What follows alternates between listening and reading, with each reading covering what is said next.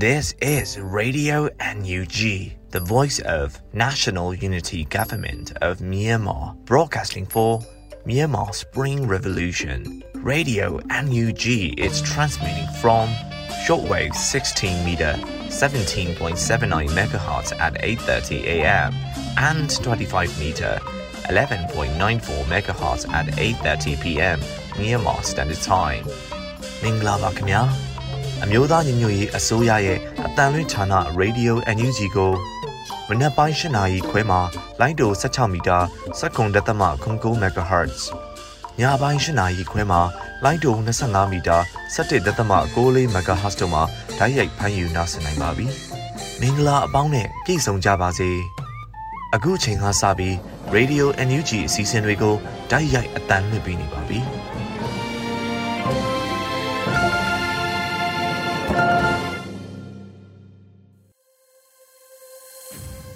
မင်္ဂလာမနက်ခင်းပါခင်ဗျာတောတာရှင်များနဲ့တကွတရားမျှတမှုကိုလူလားမြတ်နိုးကြတဲ့ပြည်သူပြည်သားအလုံးကိုရောစိတ်ပါကြမ်းမာရှင်လန်းရှိကြပါစီဒီကနေ့ဒီဇင်ဘာလ24ရက်နေ့မနေ့ပိုင်းအတန်လွှင့်စီစဉ်များကိုရေဒီယိုအန်ယူဂျီမှစတင်ထုတ်လွှင့်ပေးပါတော့မယ်ကျွန်တော်ကလွတ်လပ်နေဦးပါခင်ဗျာတောတာရှင်များအခုဥဆုံးနားဆင်ရမှာကတော့ပြည်တွင်းသတင်းများအစီအစဉ်ဖြစ်ပါတယ်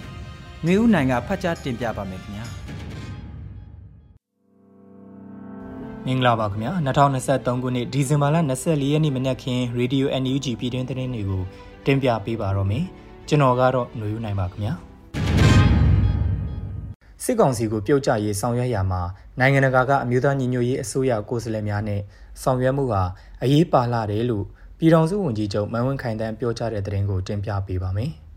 စစ်ကောင်စီကိုပြုတ်ကျရေးဆောင်ရွက်ရမှာ နိုင်ငံတကာကအမျိုးသားညီညွတ်ရေးအစိုးရကိုယ်စားလှယ်များရဲ့ဆောင်ရွက်မှုဟာအရေးပါလာတယ်လို့ပြည်ထောင်စုဝန်ကြီးချုပ်မန်ဝင်းခိုင်တန်းပြောကြားလိုက်ပါတယ်။ဒီဇင်ဘာလ23ရက်နိုင်ငံခြားရေးဝန်ကြီးဌာနမှတာဝန်ရှိပုဂ္ဂိုလ်များတန်မတ်ကြီးနိုင်ငံတကာမှကိုယ်စားလှယ်များနဲ့ရုံးအဖွဲ့ဝင်များတွေ့ဆုံဆွေးနွေးပွဲမှာဝန်ကြီးချုပ်ကပြောကြားလိုက်တာဖြစ်ပါတယ်။မြို့သားညီညွတ်ရေးအစိုးရအနေနဲ့နိုင်ငံရေးမျက်နှာစာစီရေးမျက်နှာစာတန်တမန်ရေးရာမျက်နှာစာဘန်နာရေးမျက်နှာစာစတဲ့နီးလန်းမျိုးစုံနဲ့ဆီယနာရှင်စနစ်ကို အမြန်ဆုံးစစ်ကောင်စီကိုပြုတ်ကျရေးဆောင်ရွက်ရမှာနိုင်ငံတကာကအမျိုးသားညီညွတ်ရေးအစိုးရကိုယ်စားလှယ်များရဲ့ဆောင်ရွက်မှုဟာအရေးပါလာပါတယ်။မိမိတို့ဆောင်ရွက်နေတဲ့နိုင်ငံများရဲ့မြန်မာနိုင်ငံအခြေအနေအပေါ်ချင်းကပ်ပုံများကိုဝန်ကြီးဌာနနဲ့အမြင့်မပြတ်ဆွေးနွေးနေဖို့လိုအပ်ပါတယ်လို့ဆိုခဲ့ပါတယ်။ဒါအပြင် နိုင်ငံတကာအတိုင်ဝန်းနဲ့ကောင်းမွန်တဲ့ဆက်ဆံရေးထူထောင်နိုင်ဖို့လိုအပ်တယ်လို့အိန္ဒိချင်းနိုင်ငံများနဲ့လည်းကောင်းမွန်တဲ့ထိတွေ့ဆက်ဆံမှုကိုထူထောင်နိုင်ဖို့အင်မတန်ပဲအရေးကြီးတယ်လို့ဝန်ကြီးချုပ်ကဆိုပါတယ်။တွေးဆောင်ပွဲသို့အမျိုးသားညီညွတ်ရေးအစိုးရပြည်ထောင်စုဝန်ကြီးချုပ်မန်ဝင်းခိုင်တန်းနိုင်ငံခြားရေးဝန်ကြီးဌာနပြည်ထောင်စုဝန်ကြီးဒေါ်စင်မာအောင်ဒုတိယဝန်ကြီးဦးမိုးစောဦးတမ်မတ်ကြီးဦးကျော်မိုးထွန်းနိုင်ငံတကာမှကိုယ်စားလှယ်များနဲ့ရုံးအဖွဲ့ဝင်များပြည်ထောင်စုဝန်ကြီးချုပ်ရုံးမှအမြဲတမ်းအတွင်းဝန်နဲ့တာဝန်ရှိသူများ နိုင်ငံခြားရေးဝန်ကြီးဌာနမှအမြဲတမ်းအတွင်းဝန်နဲ့တာဝန်ရှိသူများတက်ရောက်ခဲ့ကြပါတယ်ခင်ဗျာ။ပြည်သူထောက်ခံမှုမရှိရင်ဘယ်အရာမှမတည်မြဲဘူးလို့လူခွင့်ရေးဆိုင်ရာဒုဝန်ကြီးပြောကြားတဲ့သတင်းကိုတင်ပြပေးပါမယ်။ပြည်သူထောက်ခံမှုမရှိရင်ဘယ်အရာမှမတည်မြဲဘူးလို့လူခွင့်ရေးဆိုင်ရာဒုဝန်ကြီးခွန်ဘဟန်ထန်းကဆိုရှယ်မီဒီယာမှာပြောကြားခဲ့ပါတယ်။ US Department of State Bureau of Counter Terrorism ရဲ့အကြမ်းဖက်မှုအစီရင်ခံစာတွေကမြန်မာနိုင်ငံအပိုင်းကို American Department of State ကဖေရှားလိုက်ပြီလို့သိရပါတယ်။ဒီအစီရင်ခံစာထဲမှာ PDF, EROS LDF တွေကအကြမ်းဖက်အများဆုံးကျူးလွန်တယ်လို့စွပ်စွဲဖော်ပြထားပြီးတော့အကြမ်းဖက်စစ်အုပ်စုရဲ့အကြမ်းဖက်မှုကိုမဖော်ပြခဲ့တဲ့အတွက်ဝေဖန်ခံခဲ့ရတာဖြစ်ပါတယ်။ဒီအကြောင်းအရာနဲ့ပတ်သက်ပြီးမိဘပြည်သူများနဲ့တော်လှန်ရေးမဟာမိတ်အားလုံးရဲ့ပူးပေါင်းကန့်ကွက်မှုကြောင့်ပြန်ဖြုတ်လိုက်တာဖြစ်ပါတယ်။ဒီဖြစ်စဉ်ကိုကြည့်မယ်ဆိုရင်စီလုံးညီညွတ်မှုနဲ့ပြည်သူထောက်ခံမှုမရှိရင် ဘယ်အရာမှမတည်မြဲတယ်လို့အတင်းအဓမ္မလုပ်ယူလို့မရဘူးဆိုတာပဲဆိုလိုပါတယ်။လက်ရှိຫນွေဦးတော်လန်ရေးဟာလူထုထောက်ခံမှုနဲ့အတူတော်လန်ရေးရန်ပုံငွေများကိုလူထုထဲဝင်မှုများနဲ့ရှေ့ဆက်လျက်ရှိတယ်လို့သိရပါတယ်ခင်ဗျာ။ AR တိုင်းဒေသကြီးလွတ်တော်ကိုစားပြုကော်မတီနဲ့ AR တိုင်းဒေသကြီးလွတ်တော်ကိုယ်စားလှယ်များနဝမအကြိမ်တွဲဆုံဆွေးနွေးပွဲအခမ်းအနားကျင်းပတဲ့တဲ့ရင်ကိုတင်ပြပေးပါမယ်။ AR တိုင်းဒေသကြီးလွတ်တော်ကိုစားပြုကော်မတီနဲ့ AR တိုင်းဒေသကြီးလွတ်တော်ကိုယ်စားလှယ်များနဝမအကြိမ်တွဲဆုံဆွေးနွေးပွဲကိုဒီဇင်ဘာလ23ရက်စနေနေ့နေ့လယ်တနာရီအချိန်မှာကျင်းပခဲ့တယ်လို့သိရပါတယ်။အခမ်းအနားအားအစီအစဉ်9ရက်ဖြည့်ကျင်းပပြုလုပ်ပြီးတော့ကော်မတီရဲ့လုပ်ငန်းဆောင်ရွက်ချက်များအားရှင်းလင်းပြောကြားခြင်းအထွေထွေဆွေးနွေးခြင်းများပြုလုပ်ခဲ့ကြပါတယ်။အဲဒီနောက်ညနေ၄နာရီခွဲအချိန်မှာတွေးဆောင်ဆွေးနွေးပွဲအားရုပ်သိမ်းခဲ့တယ်လို့သိရပါတယ်ခင်ဗျာ။ KNU ဒူးတထူခရိုင်မှာခရိုင်အဆင့်ကရင်အမျိုးသားရဲတပ်ဖွဲ့ KNPF အစည်းအဝေးကျင်းပတဲ့တဲ့တင်ကိုဆက်လက်တင်ပြပေးပါမယ်။ KNU ကရင်အမျိုးသားအစည်းအရုံးကော်တူးလီအုပ်ချုပ်နယ်မြေဒူးတထူခရိုင်ဘီလင်းမြို့နယ်မှာ2023ခုနှစ်ဒီဇင်ဘာလ20ရက်နေ့မှ22ရက်နေ့အထိခရိုင်ကောင်းဆောင်များနဲ့ခရိုင်အဆင့်ကရင်အမျိုးသားရဲတပ်ဖွဲ့မှဦးဆောင်ပြီးတော့ခရိုင်အတွင်းကရင်အမျိုးသားရဲတပ်ဖွဲ့ KNPF Karen National Police Force ရဲ့လုပ်ငန်းပိုင်းဆိုင်ရာအစည်းအဝေးအား၃ရက်တာကျင်းပခဲ့ပါတယ်။ထို့အစည်းအဝေးအား KNU ဒူးတထူ KNE 12ကြိမ်မြောက်ကွန်ဂရက်ပြီးတဲ့နောက်ကော်တူးလေရဲဌာနအနေဖြင့်ပထမအကြိမ်မြောက်ကျင်းပပြုလုပ်ခြင်းဖြစ်ပြီးအစည်းအဝေးမှာအကြောင်းအရာခေါင်းစဉ်18ချက်ဖြင့်အခြေအလေဆွေးနွေးခဲ့ကဆုံးဖြတ်ချက်18ချက်ချမှတ်နိုင်ခဲ့တယ်လို့သိရပါတယ်။ အစည်းအဝေးပြုလုပ်ရခြင်းရွေချက်မှာ KNU ဒူးတတူခရိုင်အတွင်းရှိပြည်သူလူထုလုံခြုံရေးတရားဥပဒေစိုးမိုးရေးနဲ့ငွေရည်စည်းဝါးတိုက်ဖြတ်ရေးလုပ်ငန်းစဉ်များကိုပုံမအားကောင်းစွာလှုပ်ဆောင်နိုင်ရန်ရွေခြင်းဖြစ်ကြောင်း KNU ဒူးတတူခရိုင်၏ရဲမင်းကြီးစောစာဘောတော်မှပြောကြားခဲ့ပါတယ်။ထိုစည်းဝေးကိုခရိုင်တက်မဟာမြို့နယ်ခေါင်းဆောင်များတရားရေး KWO KYO နဲ့သတင်းဌာနခွဲမှတာဝန်ရှိခေါင်းဆောင်များစုစုပေါင်းလူဦးရေ40ခန့် တက်ရောက်ခဲ့ကြတယ်လို့သိရပါတယ်ခင်ဗျာဝန်းတုမျိုးနယ်အတွင်းရှိအကြမ်းမဖက်အာဏာရှင်စန့်ကျင်လှုပ်ရှားမှုမှာပါဝင်လျက်ရှိတဲ့ CDM ဝန်ထမ်းများအားချီးမြှင့်မှုများပေးရတဲ့တဲ့ရင်ကိုတင်ပြပေးပါမယ်။ဝန်တုမျိုးနယ်အတွင်းရှိအကြမ်းမဖက်အာဏာရှင်စန့်ကျင်လှုပ်ရှားမှုမှာပါဝင်လျက်ရှိတဲ့ CDM ဝန်ထမ်းများအားချီးမြှင့်မှုများပေးရခဲ့တယ်လို့ဝန်တုမျိုးနယ်ပြည်သူ့အုပ်ချုပ်ရေးအဖွဲ့ကဒီဇင်ဘာလ23ရက်မှာအတည်ပြုထားပါတယ်။ စကိုင်းတိုင်းကောလင်းခရိုင်ဝန်တုမြို့နယ်အတွင်းရှိအကြမ်းမဖက်အာဏာရှင်စန့်ကျင်လှုပ်ရှားမှုမှာမစုံမနစ်သောဇွဲလုံးလမြဲမြံခိုင်ကျင်သောစိတ်ဓာတ်တို့ဖြင့်တိုက်ပွဲဝင်နေကြတဲ့ရဲရဲတောက် CDM ဝန်ထမ်းများအားဒီဇင်ဘာလ23ရက်နေ့မှာဝန်တုမြို့နယ်ပြည်သူ့အုပ်ချုပ်ရေးအဖွဲ့အဖွဲ့ခေါင်းဆောင်တဲ့အဖွဲ့ဝင်များမှဒုတိယအကြိမ်ဖြစ်ချီးမြှင့်ပေးအပ်ခဲ့တယ်လို့သိရပါတယ်။အဲဒီနောက်စိတ်ဓာတ်ခွန်အားမြင့်တင်နိုင်ရေးအတွက်ပြောကြားဆောင်ရွက်ခဲ့တယ်လို့သိရှိရပါတယ်ခင်ဗျာ စကိုင်းတိုင်းမုံရွာခရိုင်အရတော်မြို့နယ်အတွင်းရှိနောင်ကြီးအိုင်စစ်ကောင်စီစခန်းအားစစ်စင်သိမ်းပိုက်မှုမှာ Federal Wings Drone တပ်ဖွဲ့ပါဝင်ခဲ့တဲ့တဲ့တင်ကိုတင်ပြပေးပါမယ်။စကိုင်းတိုင်းမုံရွာခရိုင်အရတော်မြို့နယ်အတွင်းရှိနောင်ကြီးအိုင်စစ်ကောင်စီစခန်းအားစစ်စင်သိမ်းပိုက်မှုမှာ Federal Wings Drone တပ်ဖွဲ့ပါဝင်ခဲ့တယ်လို့ Federal Wings Drone တပ်ဖွဲ့ကအသိပေးဆိုထားပါတယ်။အရတော်မြို့နယ်အနီးအခိုင်အမာတက်ဆွဲထားတဲ့နောင်ကြီးအိုင်စစ်တပ်အထိုင်ချစခန်းအားစကိုင်းခရိုင်အမှတ်9တပ်ရင် MRA အရတော်မြို့နယ်မှတော်လန်ရေးအင်အားစုများ GTR MMU drone တပ်ဖွဲ့နဲ့စကိုင်း Federal Wings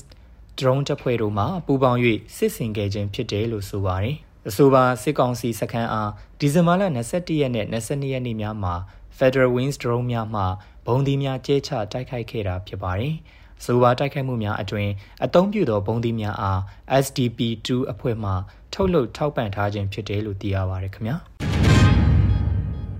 မန်တုံမြို့ကို TNL သိမ်းပိုက်နိုင်တဲ့တရင်ကိုဆက်လက်တင်ပြပေးပါမယ်။ရှမ်းပြည်နယ်မြောက်ပိုင်းမန်တုံမြို့ကို TNL ကသိမ်းပိုက်နိုင်ခဲ့တယ်လို့သတင်းရရှိပါရယ်။မန်တုံခလာရ130ကို၄ရက်ကြာဝိုင်းဝန်းတိုက်ခိုက်ခဲ့ပြီးတဲ့နောက် TNL တပ်ဖွဲ့ဟာတရင်နောက်တန်းဌာနချုပ်ကိုပါသိမ်းပိုက်နိုင်ခဲ့တာဖြစ်ပါတယ်။တအောင်းပြည်နယ်တပ်မဟာ3စစ်ဒေသ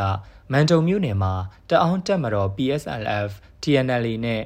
စစ်ကောင်စီတပ်တို့တိုက်ပွဲဖြစ်ပွားခဲ့ပြီးတော့စစ်ကောင်စီတပ်ကဝိုင်းတွဲလေရင်ဖြင့်ဘုံကျဲတိုက်ခိုက်ခြင်းလက်နက်ကြီးဖြင့်အရက်သားများအားဥတီပစ်ခတ်တိုက်ခိုက်မှုများစွာပြုလုပ်ခဲ့တယ်လို့ TNL ကအတည်ပြုထုတ်ပြန်ထားပါတယ်။ဒီဇင်ဘာလ19ရက်နေ့မှဒီဇင်ဘာလ22ရက်နေ့အထိစစ်ကောင်စီတပ်က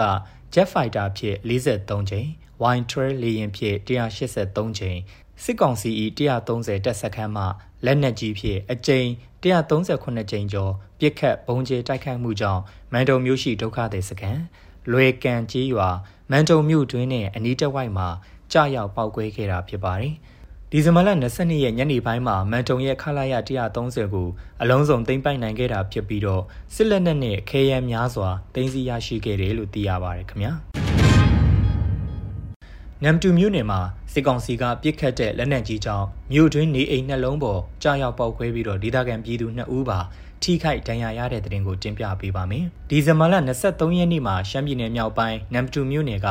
စစ်ကောင်စီတပ်ခမရ324မှ လက်နက်ကြီးငယ်ဖြင့်ပစ်ခတ်ခဲ့တာလို့ SSPP Info ကအတည်ပြုဖော်ပြထားပါတယ်။ရန်ပြည်နယ်မြောက်ပိုင်းနမ်တူမြို့နယ်ကခမရတက်324မှတစ်ဖက်သက်လက်နက်ကြီးလက်နက်ငယ်ပစ်ခတ်မှုကြောင့်ဒေသခံပြည်သူနေအိမ်နှလုံးပေါ်လက်နက်ကြီးကြီးကြားရောက်ပောက်ကွဲပြီးတော့ဒေသခံပြည်သူ2ဦးကိုကြည်စားထိမှန်လို့ဒဏ်ရာရရှိထားတယ်လို့ဆိုပါတယ်။ဒီဇင်ဘာလ23ရက်နေ့မှာရှမ်းပြည်နယ်မြောက်ပိုင်းနမ်တူမြို့နယ်ကစစ်ကောင်စီတပ်ခမရ324မှ လက်နက်ကြီးလက်နက်ငယ်ဖြင့်တစ်ဖက်သက်ပစ်ခတ်မှုကြောင့်နမ်တူမြို့နယ်ရက်ကွက်6နဲ့ရက်ကွက်6ရှိဒေသခံနေအိမ်နှလုံးအပေါ်လက်နက်ကြီးကြီးကြားရောက်ပောက်ကွဲပြီးတော့နေအိမ်ပျက်စီးကရက်ကွက်6ကခလင်းငယ်တအူးနဲ့အသက်20ဝန်းကျင်အမျိုးသားတအူးကြည်စားထိမှန်ပြီးဒဏ်ရာရရှိခဲ့ပါတယ်။နမ်တူမြို့နယ်အတွင်းစစ်ကောင်စီတပ်နဲ့တအောင်းတပ်ဖွဲ့ TNL တို့မြို့တွင်းနီးကပ်စွာစစ်ရေးတင်းမာနေတာဟာတလနီးပါးခန့်ရှိနေပြီဖြစ်ပြီးတော့ နမ်တူမြို့နယ်ရှိစစ်ကောင်စီရဲ့မန်လီတပ်စခန်း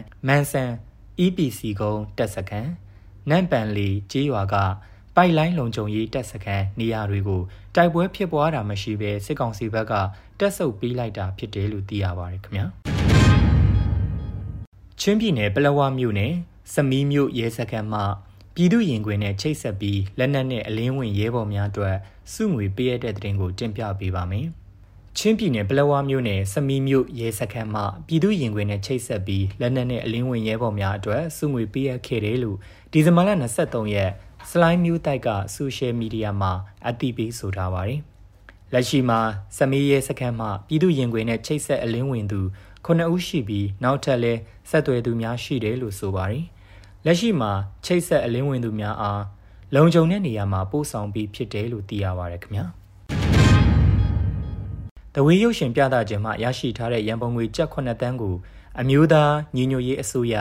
NUG ပြည်ထောင်စုဝန်ကြီးချုပ်စီမံခန့်ခွဲမှုဖြင့်မြန်မာနိုင်ငံလုံးဆိုင်ရာចောင်းသားများဒီမိုကရက်တစ်တပ်ဦးသို့ထောက်ပို့ပေးရတဲ့တဲ့တင်ကိုတင်ပြပေးပါမယ်။ဒီဇင်ဘာလ23ရက်မှာမြန်မာနိုင်ငံလုံးဆိုင်ရာចောင်းသားများဒီမိုကရက်တစ်တပ်ဦး ABSDF ကအသိပေးဆိုထားပါတယ်။တဝေးရုပ်ရှင်ပြသခြင်းမှရရှိထားတဲ့ရန်ပုံငွေကျပ်9တန်းကို အမျိုးသားညီညွတ်ရေးအစိုးရ NUG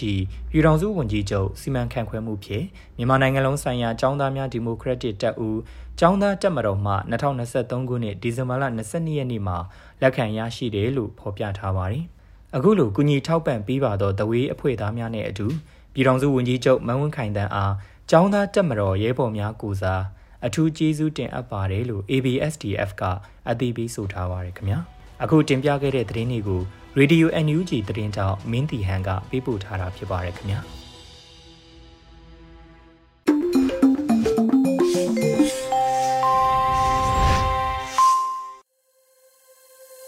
ပြည်တွင်းသတင်းများကိုຫນွေဦးနိုင်ကဖတ်ကြားတင်ပြခဲ့တာဖြစ်ပါတယ်တောတာရှင်များခင်ဗျာအခုတခါတော်လန်ရေးကြပြအစီအစဉ်လှည့်ဖြစ်ပါတယ်မင်းငိမ့်အေးရေးသားပြီးလွတ်လပ်ຫນွေဦးခန်းစားယူဖတ်ထားတဲ့ခက်တီလွယ်သည်ဆိုတဲ့တော်လန်ရေးကြပြတဲ့ပုဒ်ကို နားဆင်ရပါတော့မယ်ခင်ဗျာခက်တီလွယ်သည်မင်းမွေးနေကိတ်ကဗန်ကြီးတိုက်နေတယ်မကအထွေထွေကုမရတဲ့ကုလသမဂ္ဂအထိမောင်းတုံကအမေရည်ရင်နဲ့ဥစဉ်တယောက်ကိုဥခိုက်လူလဲခက်ကြပြားလဲခက်တဲ့ကြပြားဆရာတယောက်ဘယ်ဘဝရောက်နေပြီလဲနေကြတွေစီကြိတ် အနေမကြတဲ့နေကြတွေကြပြာကိုဖိကျိတ်တော့ကြပြာပဲပြန်ထွက်စရာရှိတာပေါ့ဒီဘဝမှာပယ်တရားကဲတရားစမရတဲ့အကျွေးနဲ့ခက်သည်ကြပြာလိုရေးရင်ကြပြာမဖြစ်လို့ကြပြာမဖြစ်အောင်ရေးလိုက်တယ်ဘဝဆက်ဆက်ယဉ်ကျေးတဲ့အစိုးရနဲ့သာစင်ပြိုင်ဖြစ်ပါစေ မင်းငိမ့်အေး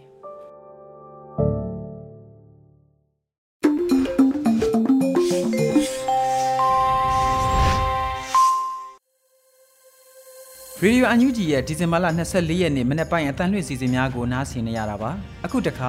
PVTV ရဲ့နေ့စဉ်သတင်းများကိုတော့ Rain ကဖတ်ကြားတင်ပြပါတော့မယ်ခင်ဗျာအခုချိန်ကစပြီး PVTV သတင်းတွေကိုတင်ဆက်ပေးသွားမှာပါကျွန်မ Rain ပါပ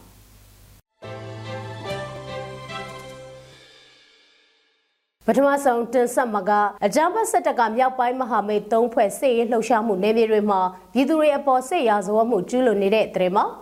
အကြမ်းဖက်စစ်တပ်ကမြောက်ပိုင်းမဟာမိတ်သုံးဖွဲ့စစ်ရေးလှုပ်ရှားမှုနယ်မြေတွေမှာပြည်သူတွေကိုလေကြောင်းကနေတိုက်ခိုက်တာနေအိမ်တွေဖျက်ဆီးတာနဲ့မတရားဖမ်းဆီးမှုတွေပြုလုပ်တာအဆရှိတဲ့စစ်ရာဇဝတ်မှုတွေကိုကျူးလွန်နေတယ်လို့မြောက်ပိုင်းမဟာမိတ်သုံးဖွဲ့ကထုတ်ပြန်ထားပါတယ်။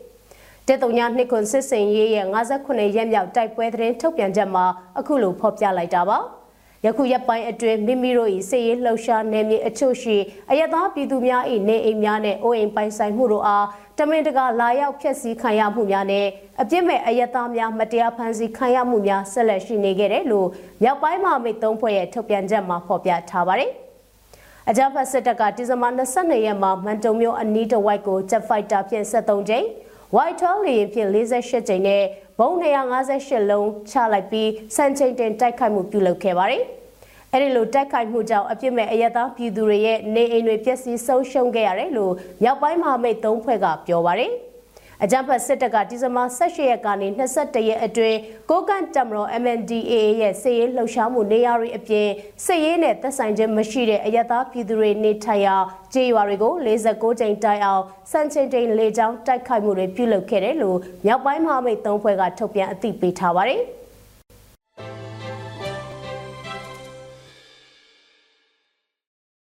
ဆက်လက်တင်ဆက်ပေးမှာကတော့ နွေဦးတော်လှန်ရေးကာလအတွင်းကြဆုံးခဲ့ရသူပေါင်း4265ဦးအထိရှိနေခဲ့ပြီလို့ APP ထုတ်ပြန်လိုက်တဲ့သတင်းမှာ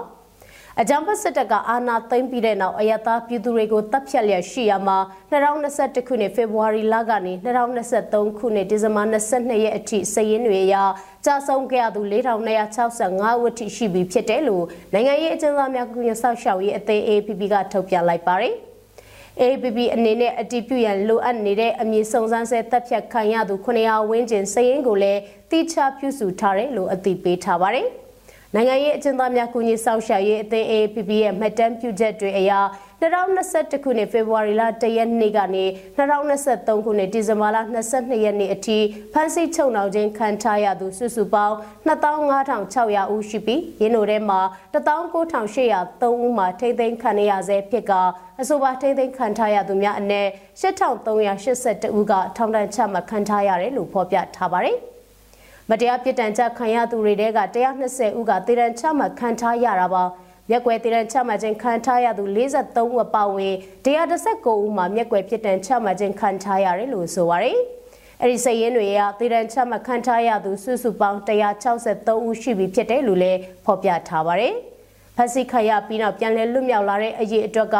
9969ဦးရှိတယ်လို့ဆိုပါရယ် ဖော်ပြပါကိန်းကနန်းအရေးအတွက်တွေက APP မှကောက်ယူရရှိထားတဲ့အရေးအတွက်ဖြစ်ပြီးမြေပြင်မှာဖြစ်ပေါ်နေတဲ့အချက်အလက်နဲ့ကိန်းကနန်းအရေးအတွက်တွေကယခုထက်ပိုမိုများပြားနိုင်တယ်လို့ဖော်ပြထားသလိုအချက်လက်တွေထပ်မံကောက်ယူရရှိလာပါကဆက်လက်ထည့်သွင်းဖော်ပြသွားမယ်လို့ဆိုပါတယ်အရက်ပဲအဖွဲ့အစည်းရဲ့ကောင်းဆောင်တွေအရက်သားတွေတက်ကြွလှုပ်ရှားသူတွေသတင်းသမားတွေ CDM လှုပ်ရှားနေတဲ့ဝန်ထမ်းတွေစတဲ့နေပယ်အသီးသီးကမြည်သူမဆိုဖန်စီထိန်သိမ်းတရားစွဲဆိုခြင်းခံထားရတဲ့နဲ့ နွေဦးတော်လှန်ရေးကာလအတွင်းကြာဆုံးသွားသူတွေရဲ့အချက်လက်တွေကိုသိရှိပါကနိုင်ငံရေးအကျဉ်းသားများကုညီဆောက်ရှောက်ရေးအသင်း APP ကိုဆက်သွယ်ဖို့လည်းဖော်ပြထားပါတယ်။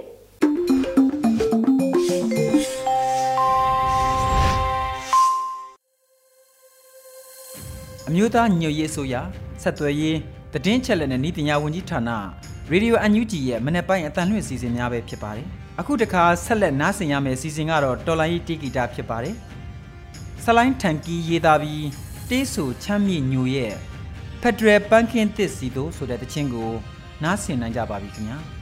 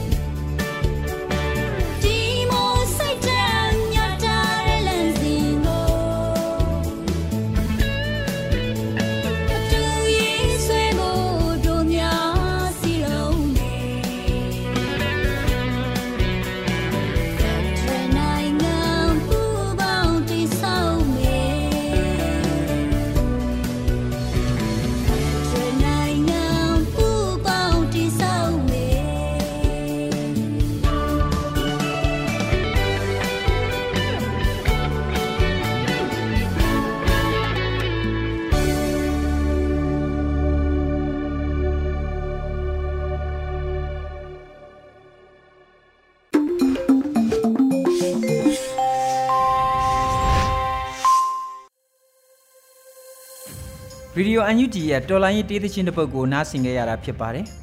ဒီကနေ့ဒီဇင်ဘာလ24ရက်နေ့မနေ့ပိုင်းအတန်လွှင့်စီစဉ်နောက်ဆုံးစီစဉ်နေနဲ့တိုင်းရင်းသားဘာသာစီစဉ်မှာတော့ချိုးချင်းမွန်းဘာသာသတင်းထုတ်လွှင့်မှုစီစဉ်ကိုနားဆင်ရပါတော့မယ်ဒီစီစဉ်ကိုရေဒီယို UNG နဲ့ချိုးချင်းဘာသာထုတ်လွှင့်မှုအဖွဲ့တို့ကပူးပေါင်းစီစဉ်တင်ဆက်ထားတာဖြစ်ပါတယ်ခင်ဗျာ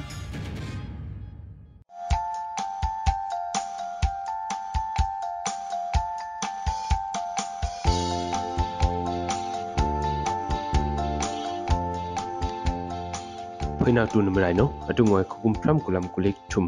shiksha ngulik thingum ngthuri mingai bakhani atungoi ngthuri leju matupi khu thepui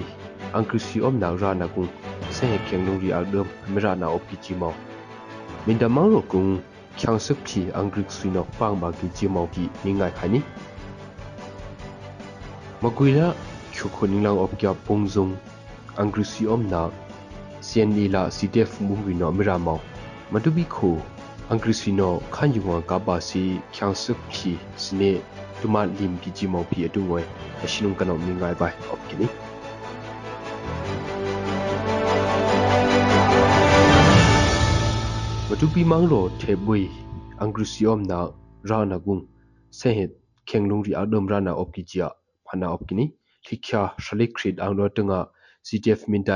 ခန်ယူဝကဘာစီချန်ဆုခီစနေတူမလင်ကီဂျီမောဖီအတူငွေအရှိလုံကနောမင်းငိုင်ပိုင်အော့ကီနီမတူပီမန်းရောထေဘွေအင်္ဂရိစီယမ်နာရာနာဂုံဆေဟက်ခေငလုံရီအ ဒမ်ရာနာအော့ကီဂျီယာဖနာအော့ကီနီလိခ ्या ရှလိခရစ်အောင်တော့တငါ CTF မင်တတ် CTF လောက်ဒူ CTF မတူပီလာ CNTF အံဘုံရီနော mvui bau chia angming siu ne amika shi kya kini achunang tungka na kung le chu ctf min ta tungka tuman non thum pe ba ki gp phanna op kini ame om na nong kia angri suryo ka na omba si ctf matu binga tuman no anhum pe ba kini achuna ke se tu bwe khong hup yung le chu matu pi mang ro kunga khok khyang ri teng kano ngai na ne me om ba thu khai gp se ko ra ka bum teng kano prik kwini min da mang ro khanung kyungla rila amphok khyang khyang sri agrusi nok pang ba gi ja phana op kini december thi khyang ro tunga khugum phiki phlawlok kia kyungla rila amphok khyang pa mi khyang sung ri le ju agrusi no mik pan ja pret kwini minda mang ro khanung amik pana achuna khyang suk phli le ju agrusi no ayya pren ne a pan ja kam ha phani priprika octo pang phu khyang phi agrusi no pana pa mi amho tuma le ju agrusi no a du ni na ka phwa asina phi op kini adu bai khokum rui hlau sholo kia krong le chu angru sino minta mangro khanla hi mangro yunga apana minta khok chang khasa khruki hlau la ning gi ji phi phana opkini khyo khola mukui kho ning lao opkia ha khamang rong ka pongzong angru si om na li ju cne la ctf se ko ra ka bum ri no amira na opki ja phana opkini bribrika december thi kha shalik khring hum ctf se ko ra ka bum ri la cne ang bum no amira kya kini achuna miran ang le ju angri sweden ka khyansak thri hlaus ni khyansak thruk le ju se ko ra kam um dang kana omik pan na op kini ha kha khu bongzong angri si om na amira na gung le ju se ko ra kap amin hun ami pin na op kini madu bi mang ro pangai bi rong angri si no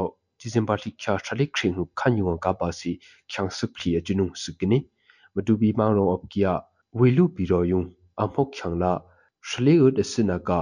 angri si no khan yung akana khoi chu si dubwe anghi vina ka aka ba gya kini adubwe december thi kya shalik khri hum angrisino ka phua suka khya sup thi le ju pangkai birong op kya khya sup thi kene tuma le ju alin na op kini chetiang bribrika december thi kya shalik khri hum phi angrisino min da mang rong op kya piro tomato khanyong kapsi imtung sha thaw adina op ki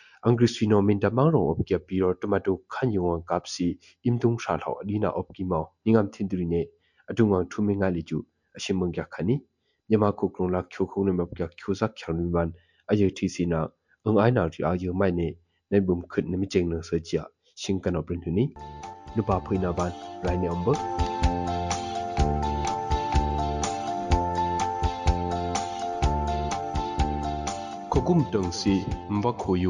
shin kan op rin ni nu pa phoi na ban rai ne om ba ko kum tang si mwa kho yung kheng luk poi ri phua khyang ak dum asna alim na op kini